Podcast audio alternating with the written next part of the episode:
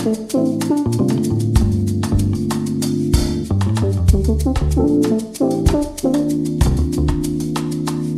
och välkomna allihopa till ett till avsnitt av Allt mellan himmel och vin. Eh, det är jag, Hanna, som är här idag. För jag och Rebecka har turats om två veckor med att vara sjuk varannan gång. Så förra veckan fick ni höra Rebecka med vår podmaster eh, Valdemar. Och idag är jag här med en gäst som heter Simon. Välkommen! Hallå, hallå. Tack så jättemycket. Mm, och jag tänker Simon att du får börja med att presentera dig själv. Ja, men Ja. absolut. Ehm, Simon Gustafsson heter jag.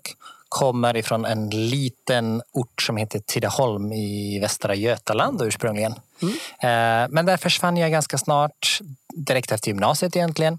Eh, och där var det lite ja, men, stora vida världen som lockade. Mm. och där tänkte jag, men, ja, men, med hjälp av att jobba i restaurang så var det ganska lätt att kunna söka jobb utomlands. Så jag hade ingen erfarenhet innan, men tyckte att det var superspännande att jobba på restaurang. Och jag, jag tog mig ut först till Alperna, började åka skidor och jobba där, både i Österrike och Schweiz. Eh, sen har jag pluggat och jobbat eh, ganska länge utomlands. Mm. Jättekul. Och det känns ju som den så här, alla vi som jobbar i restaurangbranschen som är, eh, nu tänkte jag säga lite äldre, nu är ju vi bara 30, men eh, lite över 30. Men jag, eh, man har liksom börjat med en tanke så här att det här är bara ett tillfälligt jobb. Och sen bara, fast det här är det bästa som finns. Ja, Ja. absolut. Mm. Och det, det, det slog mig under tiden när jag jobbade just i Schweiz att ja, men, det är ju, finns fantastiska karriärsmöjligheter också. Eh, och man kan plugga vidare. Så vad jag gjorde efter det, jag insåg att ja, men det fanns jättespännande skolor både i Schweiz men även i Holland. Eh, så jag kom till Holland och började plugga eh, så kallat hotellskola där. Eh, Hotellskola, är det då inriktat mer mot liksom management på hotell? Eller är det liksom starta hotell eller var det lite olika delar? Ja, men managera ett hotell Mm. eh, egentligen. Men det var även inriktat på restaurang. Ja. Så restaurang och hotell helt enkelt. Mm.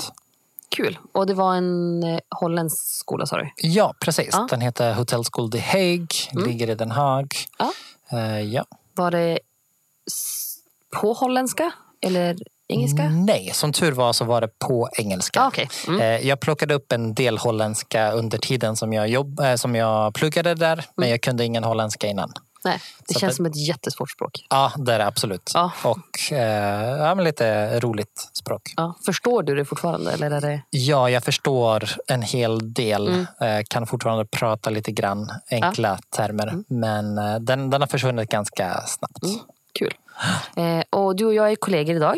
Vi jobbar Ja. tillsammans på Umeå universitet. Ja, precis. Eh, och eh, sen är vi ju sommelierkollegor såklart. Ja. Eh, men, eh, och det är ju mycket tack vare dig faktiskt som att jag har fått en helt ny vinländer som jag har fått prova. ja, men vad kul. Ja, och det är ju faktiskt just Schweiz Ja. som jag har fått uppleva ett helt nytt vinland från. Mm. För du var i Schweiz i många år Jag var i Schweiz i nästan sex år. Mm. Och jobbade på en av Schweiz bästa restauranghotell. Ja, men jag skulle vilja säga en, ett av Schweiz bästa hotell. Mm. Vi blev utnämnda till det i alla fall. Bland annat Schweiz bästa vinterhotell ett Ja. par år i rad. Mm. Eh, Ett ställe som heter De Chedi och ligger i Andermatt. Eh, Så Andermatt ligger uppe i bergen Mm. eh, på 1500 meters höjd. Eh, Och det är ganska många svenskar som känner till Andermatt. Alla som tycker om att vara utomhus. Ja, precis. Ja, Mestadels utomhus och framförallt åka skidor. Mm. Så det känns som att den beskrivningen inte passar in på dig. Nej, noll Eh, procent. Ja, precis. Så en, en gammal puderhåla brukar man Mm. kalla både Andermatt och Engelberg. Eh, kända för att få massvis med bra snö för att framförallt åka off-pist i. Så det det som många svenskar, därför många svenskar känner till Andermatt. Okej, kul. Mm. Eh, och du var med och byggde, startade Ja. när hotellet byggdes. Precis, så det öppnade 2013 så jag var på plats under pre-opening-fasen. Mm. Eh, och det var precis när jag hade slutat min utbildning i Holland. Mm. Så insåg jag att ja, men Schweiz var ju fantastiskt eh, och åka skidor också fantastiskt. Så det var därför jag tog mig tillbaka till schweiziska alperna. Gud vad roligt. Eh, och du jobbade där som, eller i slutet så var du sommelierchef. Jag känner själv att jag hittar på ord. Men Ja. eh, m- sommelier manager. Jag minns inte. Nå. Någon gång har du berättat för mig vad du hade för titel men jag har glömt bort vad det hette. Ja, jag, jag gjorde en resa under tiden som jag jobbade där. Så jag började som eh, men, junior sommelier, kallade vi det. Ehm, och sen steg jag till sommelier och sen de sista åren så var jag head sommelier som vi kallade det där. Eh, och head sommelier innebar helt enkelt att ja, men jag var lite chef över de andra sommeliererna. Så vi var ett sommelierteam på fem stycken sommelier. Gud vad roligt. Mm. Ja, väldigt gedigen vinlista kan jag tänka mig. Ja, men ganska stor. 1200 positioner. Så det innebär att ja, men, 1200 olika viner står det på vinlistan. Eh, det är helt galet mycket när Ja. man tänker tillbaks på det. Då kändes det som att ja, men, det finns större vinlistor. Vi vill ha mer vin. Ja. Men det räcker gott och väl. Ja, det känns ju som att man... Alltså när jag har jobbat med jättestora vinlistor så har man ändå som mål så att man vill ändå sälja... Någon gång vill man ju sälja alla viner. Mm. Men det tar ganska lång tid Ja. innan man lyckas med det. Ja, verkligen. Sen är det klart, det är alltid lite prestige att ha stora vinlistor. Eh, vi hade förmånen att eh, vinna Schweiz bästa vinlista flera år i rad. Eh, och vi hade väldigt, ja men, Det är inte en förmån, det är ju en, eh, en prestige. Eller. Men det, är en, det var ju uppenbarligen förtjänat. Ja, ja men vi, Ja. Mm. vi tycker och hoppas det. Eh, och det var ju naturligtvis, jag hade en, var i en jätteprivilegierad privilegierad situation. Mm. Eh, hade mycket liksom, fria händer och kunna skapa den som jag, som jag ville. Mm. Eh, men det är klart att det var jätte- jättekul att bli uppmärksammad eh, Gud ja, på det, förstår sättet. jag. Jätte, jätteroligt. Nej, men, och eh, just som jag sa med att jag har fått prova så mycket viner. Det är ju för att du jobbar inte bara på universitetet utan du är också importör. Ja, ja. Men precis. Mm. Eh, Så det kom sig från att ja, men jag var, jobbade i Schweiz i ungefär sex år. Eh, Och sen när jag kom tillbaka till Sverige 2020 så men under tiden i Schweiz så hade jag provat de här fantastiska vinerna eh, som Schweiz har och rest runt i alla regioner i Schweiz eh, och lärt känna många av producenterna. Eh, och när jag kom tillbaka till Sverige så insåg jag att men Schweiz fanns nästan inte alls på den svenska marknaden. Gör de mycket vin? De gör väldigt, väldigt lite vin. Eh, om man ser på hela vinlandet Schweiz så producerar de lika lite som en mindre vinregion i ett annat land.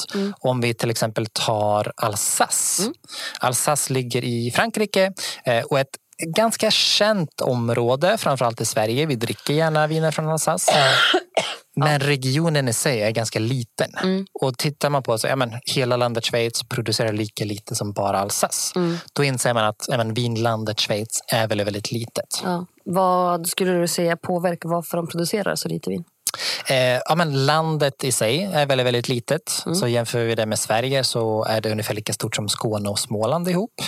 Eh, Inget emot Skåne och Småland, men tillsammans är de ganska små.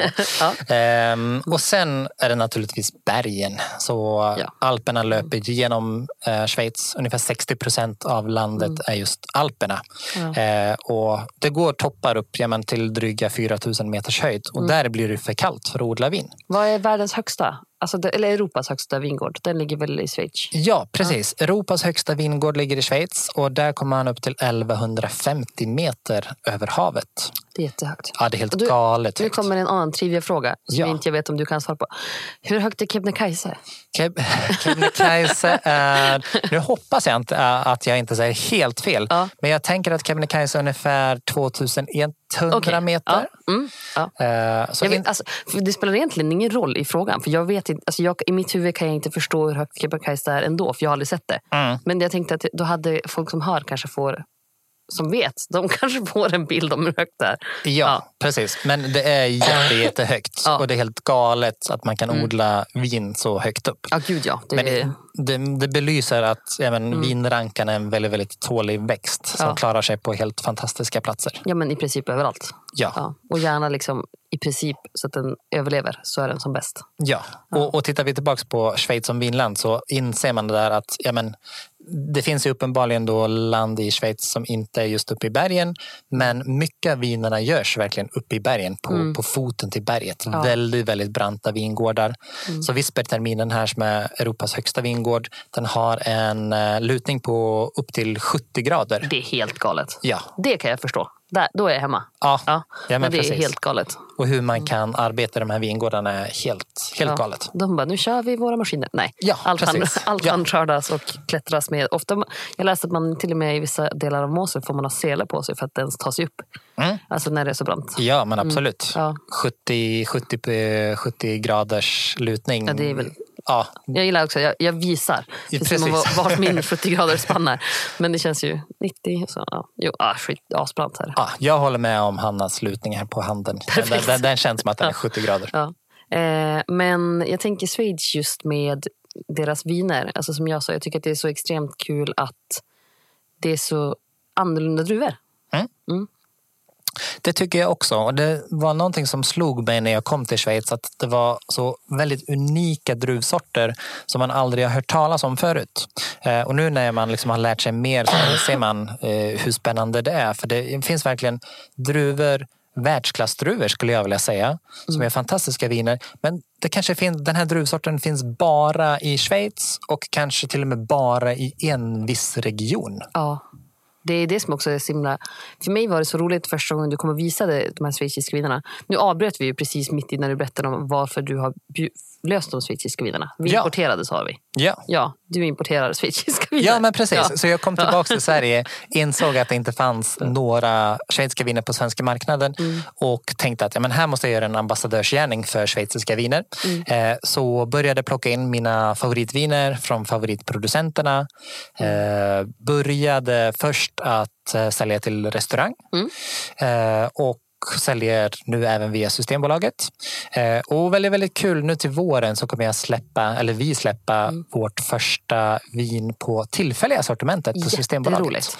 Ja, Kommer den även finnas här? Alltså kommer den stå på hyllan? eh, det kan inte jag svara på, men Nej. jag hoppas ju naturligtvis Ja. att den kommer till Umeå också. Ja. Det hade ju känts väldigt antiklimax om den inte skulle göra det. Ja, speciellt när du är Umeåbaserad. Ja, men Ja. precis. Man tycker att då borde den ju finnas här. Ja, Nej, men det får vi hoppas. Jag kan rekommendera alla att prova för det är helt magiska viner. Mm, så Men- det, det ska bli jättekul. Och just att det blir liksom nationaldruvsorten chassla. Det känns ju också väldigt kul för Mm. Ja, en. Schweiz ambassadör som mig. Ja, är jättekul. Jag har ju provat, det var, om det var Valentina Andrei som hade en druva som var röd, som bara fanns på hennes gård.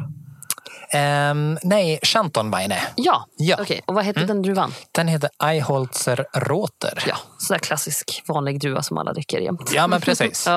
Ja, det var superkul. Det är ju helt magiskt att man fått möjligheten att prova det och att vi har kunnat köra det på en vinlunch tillsammans. Ja, men verkligen. Att- Och, och den, den producenten, det, det visar ju också lite grann vad, vad Schweiz är som vinland. Den producenten, de producerar tre olika viner där de är ensamma i hela världen på just den druvsorten. Det är helt sjukt. Ja, Nej, superfränt. Jag tycker att det är helt otroligt. För vad sa vi?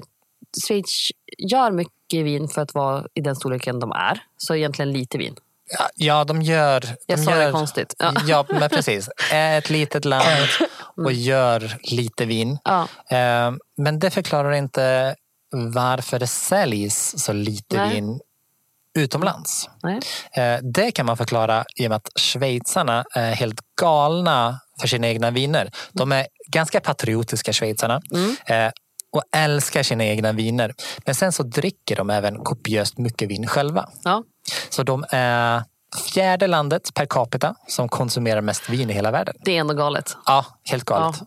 Det är faktiskt sjukt. För vad var de? Nio miljoner? Nio, nio miljoner ungefär. Mm. Eh, så det är faktiskt bara ja, men, mellan 1 till 2 procent av produktionen som exporteras varje år. Ja, det är minimalt. Så det är bara en Mm. liten droppe som kommer ut till utlandet. Då är det ändå jättekul att du får ta det till Sverige. Ja men verkligen. Alltså, för men det, jag har aldrig sett schweiziska viner innan. Ja. Ja. Och, men tidigare så har inte producenterna varit så pigga på att exportera. Det kanske till och med har varit de som verkligen har behövt och då kanske det inte var de roligaste vinerna som kom ut förut. Eh, men nu känner jag att men nu är det verkligen toppskiktet av producenter som verkligen vill göra, ja, men verkligen vill att Schweiz ska synas utomlands. Så de åsidosätter en liten del av sin produktion som de pushar lite mer åt utlandet. Och det är ju superkul. Ja, så nu kan man verkligen se även de bästa vinerna. Och ja, men bara på det sättet så kommer Schweiz få ett mycket bättre rykte. Jag tänker att det måste sitta... Alltså jag, ur mitt perspektiv så tycker jag att man ser ju verkligen hur liksom intresset för mat och dryck har ökat så mycket. Speciellt liksom Umeå, Västerbotten, Norrland, Sverige. Alltså man ser ju att intresset för just såna här saker. Alltså, mat och dryck i kombination, vinkunskap, eh, alla smakpromenader, beer, alltså Umeå Beer Festival och Nolia Beer och allting. Alltså, det är alltid jättemycket folk, det säljs slut direkt, vinluncherna. Alltså det, Precis, där skulle jag också vilja lyfta dina vinluncher också lite Ja, grann. Du är ju ja. ganska sådär, jag vill inte lyfta upp dig själv så Nej, jag mycket. hatar att göra det. Ja. Eh, Men jag tycker att dina vinluncher är helt episka. ja, men det, de är jätteroliga. Och inte bara roliga utan du alltså, säljer 120, är det 120 personer? 110, mellan 110-120. Ja, och det är ett antal gånger, sex, sju gånger Ja, i, om halvåret. Ja, mm. Och helt galet. Så jag tänker Ja. att du också har haft en stor del i att lyfta just mat och dryck i Umeå. Det, det måste jag säga. Tack. Ja, men det är faktiskt helt sjukt. Jag tycker att det är extremt kul att så här, vi släpper dem och så bara Första dagen så var liksom allt slut i princip. Och man Mm. bara, hur? Alltså, det är asroligt. Jag, jag är jättestolt. Jag tycker bara att det är jobbigt att prata om det själv. Mm. Men eh, idag är ju faktiskt jag, känner jag ju att jag har Rebeckas roll. Så Mm. jag är ju supernöjd. Eftersom att eh, vanligtvis så brukar jag få prova vinet och Ja. se hur vinet smakar. Och i vanliga fall när du och jag provar vin då är det du som är med i vin så får jag blindprova. Men idag har vi tvärtom. Så Ah, jag har med okej. blindprovning till dig. Ja, spännande. Ja. Så jag tänker att du får blindprova vin. Ja. Så jag förklarar för alla vad de tycker. Ja, Rebeckas tips är blunda, så känner du syran. okej. Jag tror att du kan klara av det ändå. Ja. Ja. Okej, Ja. yes. Jag har glaset här framför mig. Eh, ljuset är lite dovt här i studion, men jag ser att ja, men det är ganska ljus färg ändå. Lite rubinröd skulle jag kunna uttyda. Mm, jag doftar. Ja, gör det. Eh, För både jag och Simon jobbar ju som lärare på Umeå universitet. Ja, precis. Så vi undervisar ju mycket om vinprovningsmetodik och sådär. Så jag tänker att jag, jag skippar hela provningsmetodiken Ja. och så försöker Ja. fokusera på det som är roligt att prata om. Ja, man bara, nu tar vi allt det nördigaste vi kan. Men eh, mm, Precis. Vad, vad hittar Jo. du för kul? Jo, men jag har doftat på vinet. Mm. Eh, Jag hittar ja, men lite sådär bärig frukt skulle jag vilja säga. Mm. Kanske lite björnbär, eh, lite hallon och Mm. framförallt lite sura körsbär. Jag håller med. Mm. Ja. Och även lite örtig, sådär torkade örter på, på näsan, eller på doften. Låter bra. Jag tycker också att man får se på näsan. Okej. Ja. Mm. Ja, men då- Godkänner. ja, härligt. Ja. Mm. Ska du smaka? Ja, men jag tänker att jag provar. Yes. Ja, gör det. Eh, nej men det här är ju jättekul att det är jag som inte måste blindprova. Sen är det ju så att det är ju, blindprovning är ju kanske det roligaste och det svåraste som finns. Verkligen. Mm. Så blindprovning. Det är ju många som har idén att blindprovning, ja, men då ska man då efter att ha doftat och provat en gång ska kunna sätta vilken druvsort det är, från vilken region, allra helst både producent och årgång. Ja, ja. Och att det är hur enkelt som helst. Gärna så här, hur mycket skördar de varje år? Hur mycket väger druvorna när man plockar dem? Ja, precis. Vad heter hästen som ute till underkläden? Exakt. Mm. Ja, men riktigt så är det ju inte. Nej, inte riktigt. Nej. Men vad smakade det? Jo, jag tycker att eh, syran, så jag blundade Mm. Ja. naturligtvis för att känna syran på ett Ja. adekvat sätt. Yes. Eh, syran är hög. Ja. Ja, så jag tycker att det var ett eh, väldigt friskt vin. Mm. Jag tycker att fylligheten var ganska låg. Mm. Så, eh, ja, men den sen kändes inte så tjock i munnen utan låg fyllighet. Mm. Eh, tanniner eller strävhet brukar vi prata mycket om när det kommer till rött vin och det här Mm. var ju ett rött vin. Eh, jag tycker inte att de kändes speciellt mycket. Nej. Så här skulle jag vilja säga en låg strävhet Mm. eller få tanniner. Smaken tycker jag var väldigt lik doften. Så Ja. mycket av, ja men, kanske gick ännu mer åt det lite syrligare hållet. Mm. Så här lite mer åt, ja men, eh, inte övermogna hallon som det kanske var på, på doften utan här lite mer färska hallon. Och mycket körsbär kom tillbaks på smaken. Ja. Mm. Jo, men det går, det, jag håller med om att doften och smaken går liksom lite hand i hand i den. Mm. Men att lite fräschare på smaken. Lite varmare på doften. Absolut. Eh, om du skulle dra en vild chansning. Var i världen är vi? Vars, vad har vi hittat på för kul? Ja, men det är ju alltid eh, jätte, jättesvårt. Ja, Eh, Jag är ju väldigt verksam just i Schweiz och Österrike. Mm. Eh, Och när jag tänker kanske på Österrike så har jag en druvsort som brukar gå i den här riktningen. Mm. Eh, Och det är druvsorten Zweigelt. Så jag kanske gissar på en Zweigelt från Ja. Österrike. Kul. Eh, jag håller med om att Zweigelt brukar gå åt det här hållet. Mm. Och det tycker jag är kul för att jag hade väldigt mycket förutfattade meningar om Zweigelt när Mm. jag provade det förut. Eh, men nu tycker jag mer och mer att Zweigelt går mycket åt liksom det här hållet. Ja. Eh, och det tycker jag är väldigt trevligt, för jag gillar den här typen av viner. Mm. Eh, men eftersom att det är du som kommer så vågade inte jag ta med mig något från Schweiz eller Österrike. okej. Utan jag ville ju utmana lite. Eh, så jag har valt en, eh, Kim, en 2019 Kim Crawford Pinot Noir från Central Tego. Ah, Okej, Ja. yes. nu är vi i Nya Zeeland. Ja, i Så man, världen. man gör vin utanför både Österrike och Schweiz? Alltså. Ja, Ja, okej. häpna. Plötsligt händer det. Ja. Eh, men, eh, men jag tycker att det är intressant. Alltså, att det är roligt att de kan gå så, så nära ändå. Mm. Alltså att, så här, att man tänker, som vi säger, blindprovning är ju extremt komplext och inte liksom varsågod, sätt årgång, druva, producent, häst. Utan Ja. Ja. Eh, det tycker jag är väldigt spännande och väldigt roligt att se att så här, många tror ju att det verkligen är bara pinpointa det här och så är du färdig. Medan egentligen så är det mycket mer att många druvor kan ju smaka väldigt, väldigt likt. Mm. Ja. Absolut. Här- varför tror du att det är så? Varför tror du att folk tänker generellt sett som att vi som sommelier att vi ska liksom kunna sätta, som vi säger, sätta en druvsort på ett vin eh, och att det är hur enkelt som helst? Alltså jag tror att det finns två olika delar av det hela. Och jag skulle säga att ena delen sitter nog mycket i liksom att Många är nog väldigt imponerade över kunskapen som vi har. Alltså att man har lagt ner väldigt mycket tid på att plugga, man har lagt ner mycket tid på att läsa in allting. Och någonstans så tror jag att folk är väldigt imponerade. Alltså att vi faktiskt kan väldigt mycket om mat och dryck. Och det tycker jag är väldigt roligt. Mm. Eh, om det är den sidan av det. Eh, men sen tror jag också att mycket sitter i och det kan, det kan låta som en, eh, som en liten smäll mot mina branschkollegor ibland. Men jag tror att många har en bild av en sommelier som den kan vara väldigt liksom, pretentiös. Man har, sitter på ganska höga hästar. Eh, och jag tycker att det har varit väldigt mycket så i restaurangbranschen. Att så här, man är lite bättre än alla. Alltså, och jag tycker inte att det är lika mycket nu. Men för liksom 15 år sedan i branschen så var det väldigt mycket så här jag vet bäst. Drick det här för det är det här som funkar. Allting annat är sämst. Mm.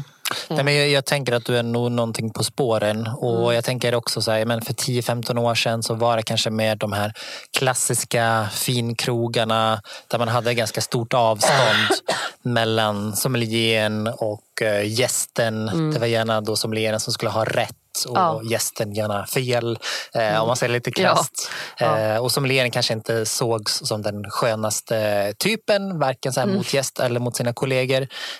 Men att den hade någonting, alltså verkligen spetskunskap i vin. Ja. Och, och kunde gärna visa upp det. Exakt. Men, och- men sen, jag tycker att det är roligt att få se liksom att det håller på att vända lite grann. För jag tycker att det är så viktigt att... Eh, alltså, som för oss, jag var på Glenkinchie i Skottland för ja, men några år sedan. Eh, och det är ett whiskydestilleri utanför Edinburgh. Och när vi var där då sa vi det, så här, vi, för då bokade vi en privatprovning där med liksom han, en av dem som jobbade där. Men hur tycker du, alltså, hur ser ni på om man blandar ner is eller vatten i whiskyn? Och han bara, det har ju inte med mig att göra. Han bara, om ni tycker om våran whisky på det sättet, vad bra för er. Skåla och njut. Och liksom, han bara, det är du som betalar, det är du som ska dricka, var nöjd. Liksom. Ja, absolut. Eh, och det tycker jag är viktigt att man kommer ihåg att så här, även om det finns liksom saker som säkert skulle kunna funka bättre på ett speciellt sätt och det finns ju som en anledning till varför man väljer vissa viner till viss mat. Så betyder det inte att bara för att man själv är så här, men jag tycker att det är gott att dricka min Barolo till min vita fisk. Ja, men njut. Mm. Ja. Hoppas Absolut. Ja. Ja. Och jag, jag, jag har också känslan att nu för tiden så är sommelieren en väldigt jag vet, varm person och bidrar väldigt gärna med sin kunskap, framförallt till Mm. gästerna. Eh, Så är man gäst på, på en restaurang så tveka inte att fråga Mm. personalen och framförallt om de har en sommelier som specialiserar sig just på, på deras drycker. Så Ja. fråga och ta hjälp av dem. Mm. Men sen tycker jag det är viktigt också att, så här, att det är viktigt att man kommer ihåg hur otroligt kul det är att lära sig. Ja, Alltså verkligen. som gäst. Alltså, Ja. för jag tycker att man får så otroligt mer ut av ens restaurangbesök eller ens resor eller vad som helst när man kan någonting. Alltså att det blir så mycket roligare att gå på restaurang. Ja, verkligen. Och du pratade om det här stigande intresset. eller det här, ja men Det myllrar ju. liksom. Mm.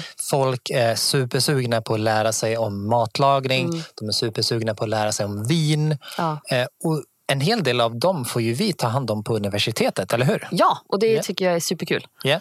Vi, vi har ju både ett gastronomiprogram där man pluggar tre år och lär sig hur mycket som helst om Ja. ja. matlagning, eh, vin eh, och allt däremellan.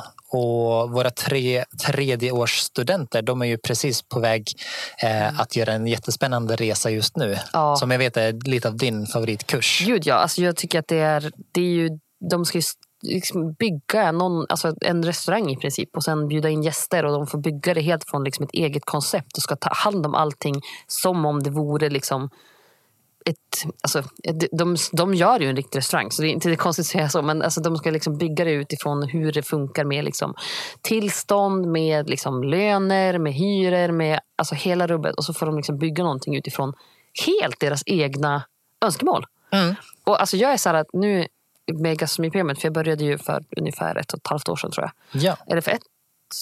Ja, men ungefär. Jag, har, jag har jobbat lite innan också, men typ ett, och ett halvt år sedan. Ja. Men, eh, och jag tycker att det är alltså bara alla kurser som vi får vara med på. Man blir så inspirerad, så peppad. Jag blir så avundsjuk för att inte jag har läst det. Och så här, nej, det är hur kul som helst. Är man mat och drycksintresserad och funderar på vad man ska göra på universitetet så Mm. Och där har vi ju Mm. även kvällskurser. Så det är k- kanske framförallt kvällskurserna där vi eh, lär känna väldigt mycket Umebor. ja. Eh, För vi har ju kvällskurser i vinkunskap, vi har Mm. ölkunskap och drycker och mat i kombination. Eh, Och där kan ju vem som helst söka. Ja. Och så kör vi provningar och föreläsningar som brukar vara väldigt uppskattade. Mm. Och det tänker jag mig, det är ett kvitto på att folk är väldigt nyfikna och intresserade av det här ämnet. Ja, och där tycker jag också att just som vi tänker med, som nu med din blindprovning, att folk är så oroliga inför de här blindprovningarna. Att så här, gud vad händer om jag ser fel druva? Eller, alltså, jag tycker att det är jättejobbigt och jätteläskigt. Och, och jag tycker att det är viktigt att man kommer ihåg att så här, men det sitter inte i att kunna en druvsort. Det är inte det man ska kunna. Utan Nej. det är så mycket mer. Ja, och det är ju en övningsprocess. Så det är ingen Mm. som tror att man ska kunna liksom köra bil första gången man sätter sig bakom ratten. Nej. Eh, eller ja, eh, när man väl kör på skarpt läge så Ja. ska man ju gärna kunna. Förlåt, förlåt, ganska bra. vi kan väl önska. Kolla i Skåne nu. Ja, men Ingen diss mot Skåne nu heller, men där ser det inte ut som att det går så bra att köra.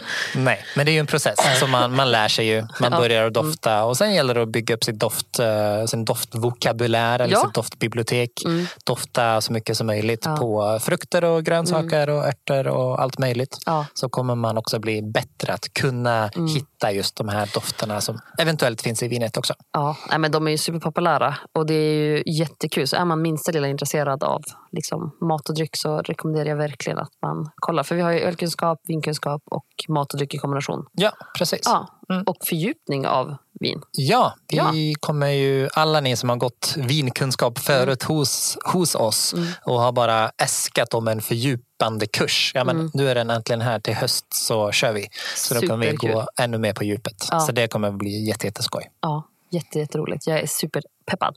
Verkligen. Alla vinkurser är mina favoritkurser.